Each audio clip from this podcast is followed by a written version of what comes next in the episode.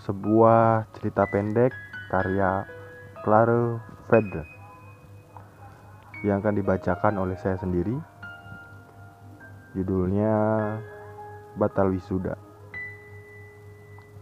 Gebyur, gebyur, gebyur, gebyur. Air membasahinya. Air membasahi seluruh badannya. Badan menyisakan tulang dan kulit saja. Hidup segan, mati pun tak mau. Pagi ini adalah momen ter terepik dalam hidupnya setelah beberapa tahun terakhir ini. Betapa tidak, hari ini selain momen bersejarah, juga peristiwa yang menajubkan. Karena beberapa tahun terakhir ini, mandi di pagi hari adalah sebuah keniscayaan baginya. Fata Morgana. Panggil saja dia Madi. Madi alias mahasiswa abadi. Semua dosen menyebutnya Madi atau memanggilnya Madi. Hampir semua dosen mengenalnya. Ya, dosen fakultas tepatnya. Dengan rasa kebahagiaan yang tidak bisa dibendung dan diungkapkan dengan apa pun, sesekali dia meneteskan air mata. Namun sayangnya air mata itu larut bersama air yang mengguyurnya. Ini mungkin yang kita sebut mandi air mata ya. Ya, air mata kebahagiaan tentunya. Jadi begini, setelah tujuh tahun meniti dan menum, menempuh ke pendidikan di salah satu universitas yang paling jos lah, yang paling terbaik di kotanya. Akhirnya dia dapat merenggut, memeluk, menggapai, dan memiliki gelar impiannya yang sangat-sangat dia impikan yang sangat-sangat dia tunggu. Ya, sarjana. Setelah dengan membanting tulang, menumpahkan darah dan air mata sampai tetes penghabisan, hari ini di mana dirinya akan dideklarasikan oleh rektor sebagai sarjana di depan ribuan para sarjanawan. Dan di depan dunia tentunya. Dunia akan panggil dia sarjana sekarang. Betapa kebahagiaan yang sangat dan teramat, bukan? Coba bayangkan itu terjadi pada dirimu, kawan. Bagaimana perasaanmu? Tujuh tahun. Tujuh tahun. Mandi sudah beres, gosok pakaian sudah beres. Semua persiapan sudah dia lakukan tadi malam. Jadi pagi ini tinggal mandi saja pikirnya. Setelah mengenakan semua atribut dan style yang dia siapkan tadi malam. Berdirilah dia di depan cermin. Sayangnya dia tidak bisa melihat seluruh setelannya. Betapa gagahnya dia pagi ini. Cermin kesayangannya yang dia tempel di kamar kosnya sudah terpecah belah ke mana-mana, menyisakan potongan kecil yang hanya cukup memantulkan bagian wajah. Namun tidak habis akal dong, sia-sia kuliah tujuh tahun tidak bisa mengatasi masalah sesepele ini. Dilepasnya kaca dari dinding dan merubah posisinya agar bisa melihat bagian lain dari setelan kerennya. Susah payah melepas dan menempelnya lagi di dinding. Naik, turun, kanan, kiri. Konyol memang, tapi begitulah dia. Banyak akal. Merasa tidak puas dengan aksi heroiknya, uh, aksi konyol tepatnya mengambil ponsel smart atau smartphone-nya lalu dia letakkan di kusen jendela kamar kosnya dengan kamera dan timer. Jadilah sebuah foto. Lah kenapa nggak dari tadi aja cok? Dipandangi zoom in zoom out fotonya. Akhirnya Si Madi bisa melihat setelan keren sarjananya yang siap diwisuda, mengagumkan. Tidak hanya sampai situ kawan. Waktu terus berjalan, detik jam terus berputar, menit per menit berlalu dengan aktivitasnya di dalam kosnya. Jam saat itu menunjukkan 7.30.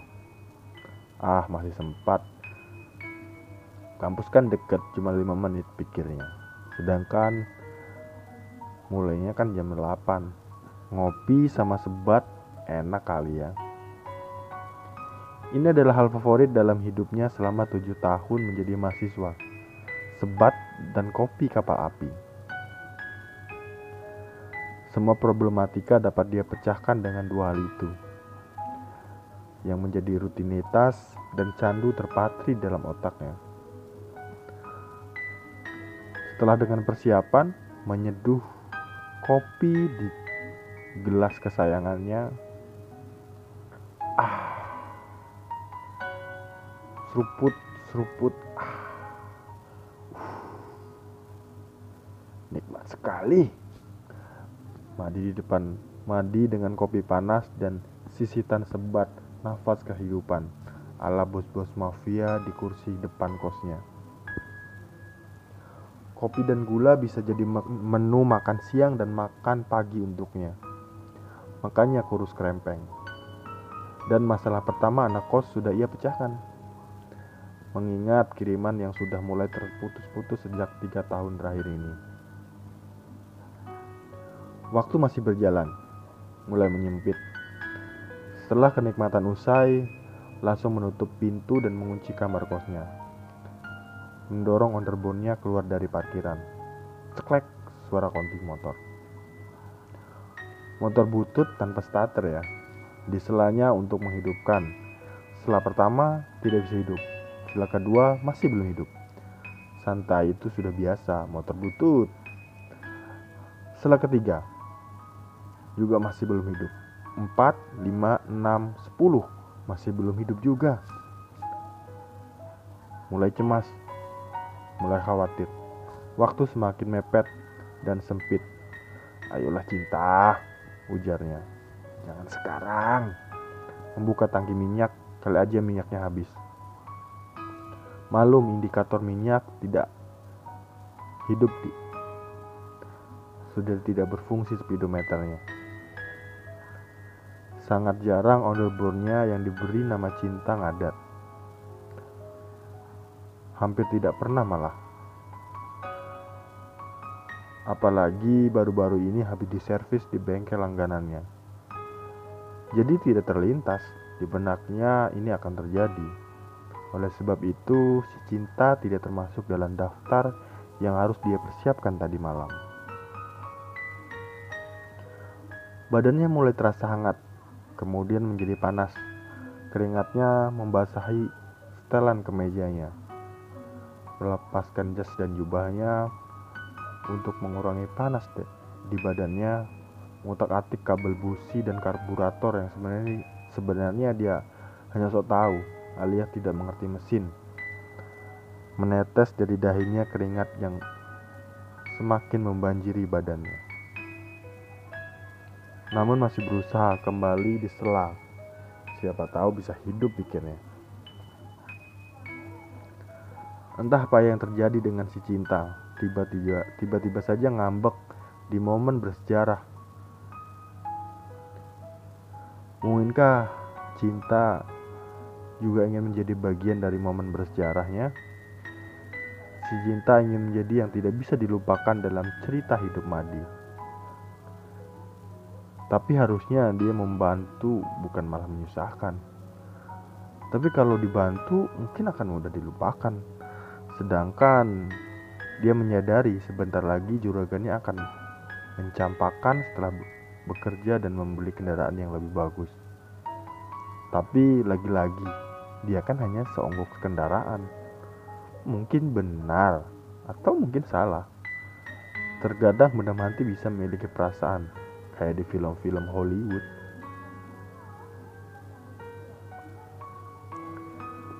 Sudah tidak ada waktu lagi. Jika dia terus mengurusi si cinta, kemungkinan besar dia tidak jadi wisuda karena sejatinya dia tidak mengerti mesin. Hanya keja hanya keajaiban yang bisa membantunya. Kecemasan mulai tergambar di wajahnya. Rasa bahagia yang baru saja dia rasakan seakan pupus tanpa harapan. Rasa keputusasaan mulai menyelimuti harapan yang meredupkan cahaya dalam hatinya.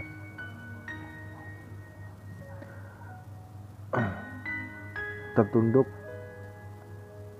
tersipuh pasrah di halaman kosnya dan mengusap keringat yang mengalir di wajahnya. Menghela nafas dalam-dalam, menenangkan hatinya yang putus asa. Toh, kalau saja aku tidak datang, bapak dan ibuku bisa mewakilinya. Namun tujuh tahun menjadi mahasiswa membuatnya cepat untuk mengambil keputusan. Ya, berbagai pengalaman dari organisasi membuatnya cepat mengatasi sebuah masalah. Ini belum berakhir. Membangkitkan semangat dalam hatinya. Aku masih bisa melakukan satu hal lagi yang mungkin akan berhasil. Jika gagal, setidaknya aku sudah berusaha maksimal. Terderai air mata yang kini bercampur keringat. Ya, lari. Mungkin masih ada waktu. Acara kan dimulai jam 8. Rumus matematika yang rumit keluar dari kepalanya. Perhitungan waktu dan kecepatan ter terproses dalam otaknya. Rumus Einstein yang terkenal dengan kecepatan dan energi. E sama dengan mc kuadrat. Eh, ini kan rumus fisika bukan matematika. Hei, hei, hei. Tentu saja Mandi tidak benar-benar menghitung dengan rumus itu. Itu terlalu berlebihan. Mandi tidak cerdas itu. Lagian sudah tahu kan apa alasannya. Dan dan dia juga bukan anak fisika atau anak matematika karena yang dibutuhkan sekarang sedikit tenaga dan semangat yang besar. Dengan cepat mengambil pakaian yang dia gantung di handle pintu. Tidak ingin membuang waktu. Melangkah kakinya memicu kecepatan. Jika menggunakan kendaraan dengan kecepatan 40 km per jam, dia memerlukan 5 menit berapa jarak harus dia tempuh dengan lari? 40 km per jam sama dengan 40.000 meter. 40.000 dibagi 60 menit sama dengan 666 sekian sekian sekian meter. 666 sekian sekian meter dikali 5 menit sama dengan 3000 333 meter. Dia harus memicu kecepatan dengan langkah kakinya untuk menempuh jarak 3333 meter.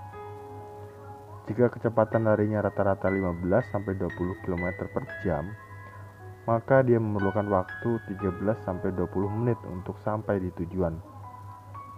Perjuangan 15-20 menit bukanlah masalah besar untuknya dibanding dengan 7 tahun kuliahnya. Sekali berjuang harus terus berjuang sampai tetes darah, eh tetes keringat penghabisan kali ini. Karena sekarang dia tidak lagi mandi air mata, tapi mandi keringat. Ke kemeja yang kuyup semakin basah dan kuyup. 5 menit berlalu dan satu kilometer pertama sudah dia lewati.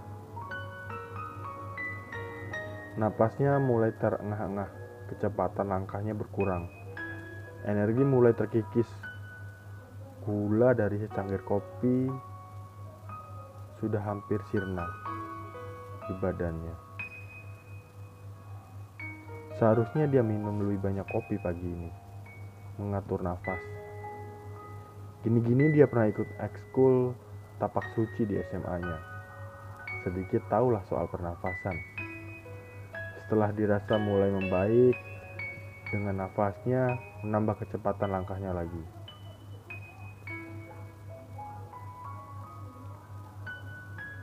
Kondisinya slow motion seperti di TV. Mengkerot kanan kiri Badan terombang-ambing oleh langkahnya. Tas lempangnya yang tergantung di bahunya terlempar kanan dan kiri. Langkah demi langkah terpijak di jalan aspal. yang keras sesekali menapak kekobangan air yang tidak bisa dia hindari. Fokusnya hanya pada lari yang cepat sehingga kontrol terhadap badannya agak berkurang. Wush, wush, wush, wush. Suara angin dari langkahnya mengejar waktu. Oke, aku masih bisa berjuang. Cuman segini kecil lah. Semangat membara di dalam jiwanya. Ini adalah momen penting aku tidak bisa melewatkannya begitu saja. 10 menit berlalu, 2 km sudah dia libas. Kali ini benar-benar tenaganya hampir habis hanya berharap dari sisa-sisanya saja. Lari dengan kecepat ma kecepatan maksimal tanpa henti sangat menguras tenaganya. Waktu berhenti di matanya. Mobil dan motor yang ada di jalanan terlihat stop. Orang yang berjalan menahan langkahnya. Senyap seperti dalam ruangan hampa tanpa terdengar suara di telinganya. Hanya tapak kaki yang seperti suara sepatu kuda yang melaju kencang. Kali ini tidak hanya basah kuyup oleh keringat yang mengalir deras dari pori-pori kulitnya. Tapi setelan rapi gagah sekarang menjadi berantakan. Sedikit noda kecil tersebar di celana ke dan kemejanya akibat menepak di kobangan air. 20 menit berlalu, mulai memasuki gerbang kampus. Setelah tiga menit kemudian, hal kampus sudah terlihat di matanya. Kampus jos lah, ingat kan? Wilayahnya hampir satu desa. Dan semangat masih membara. Sudah kepalang tanggung pikirnya. Harus sampai pada hasil terakhir. Matanya mulai kunang-kunang, seperti se, sepertinya sebentar lagi dia akan pingsan. Pandangannya mulai terbelah menjadi dua. Kali ini pandangannya sudah tidak normal, mulai kabur namun belum menyerah. Dup! Terhempas tubuhnya yang kurus krempeng. Secara tidak sadar, kemampuannya dalam hal bela diri keluar dia tahu cara jatuh yang tidak menimbulkan cedera yang fatal. Dan merasa saja tidak ada cedera yang fatal di kakinya yang tersandung oleh polisi tidur. Agak sakit sih, tapi tidak menimbulkan luka yang berarti karena sepatu yang digunakan melindungi kakinya. Kabar baiknya, dia sempat beristirahat. Matanya yang kunang-kunang tiba-tiba hilang dia mengatur nafas lagi saat terbaring di jalanan. Dan kali ini tidak hanya basah kuyup berantakan noda kecil tapi kemejanya juga sudah kotor. Apakah aku mempunyai masih mempunyai waktu untuk mengikuti sudah dalam hatinya. Tertatih membangkitkan diri dan lari kecil-kecil dengan kaki yang pincang, mengusap keringat di dahinya. Setelah beberapa menit berlalu dengan jalan pincangnya dan kondisi yang sangat buruk, sampailah dia di depan pintu hall tempat pelaksanakan wisuda. Ya, hall induk di kampus itu yang bisa menampung 5000 lebih manusia. Ning tidak terdengar suara apa pun. Raut putus asa di wajahnya dan kesedihan yang teramat dalam. Dia tidak tahu sebanyak apa waktu yang dia gunakan untuk mencapai tempat berdirinya sekarang. Berapa detik kemudian cahaya harapan muncul di benaknya. Mendengar MC menutup sambutan rektor. Yang artinya belum ada yang dipanggil ke depan. Berarti dia belum melewatkan momen bersejarah dalam hidupnya.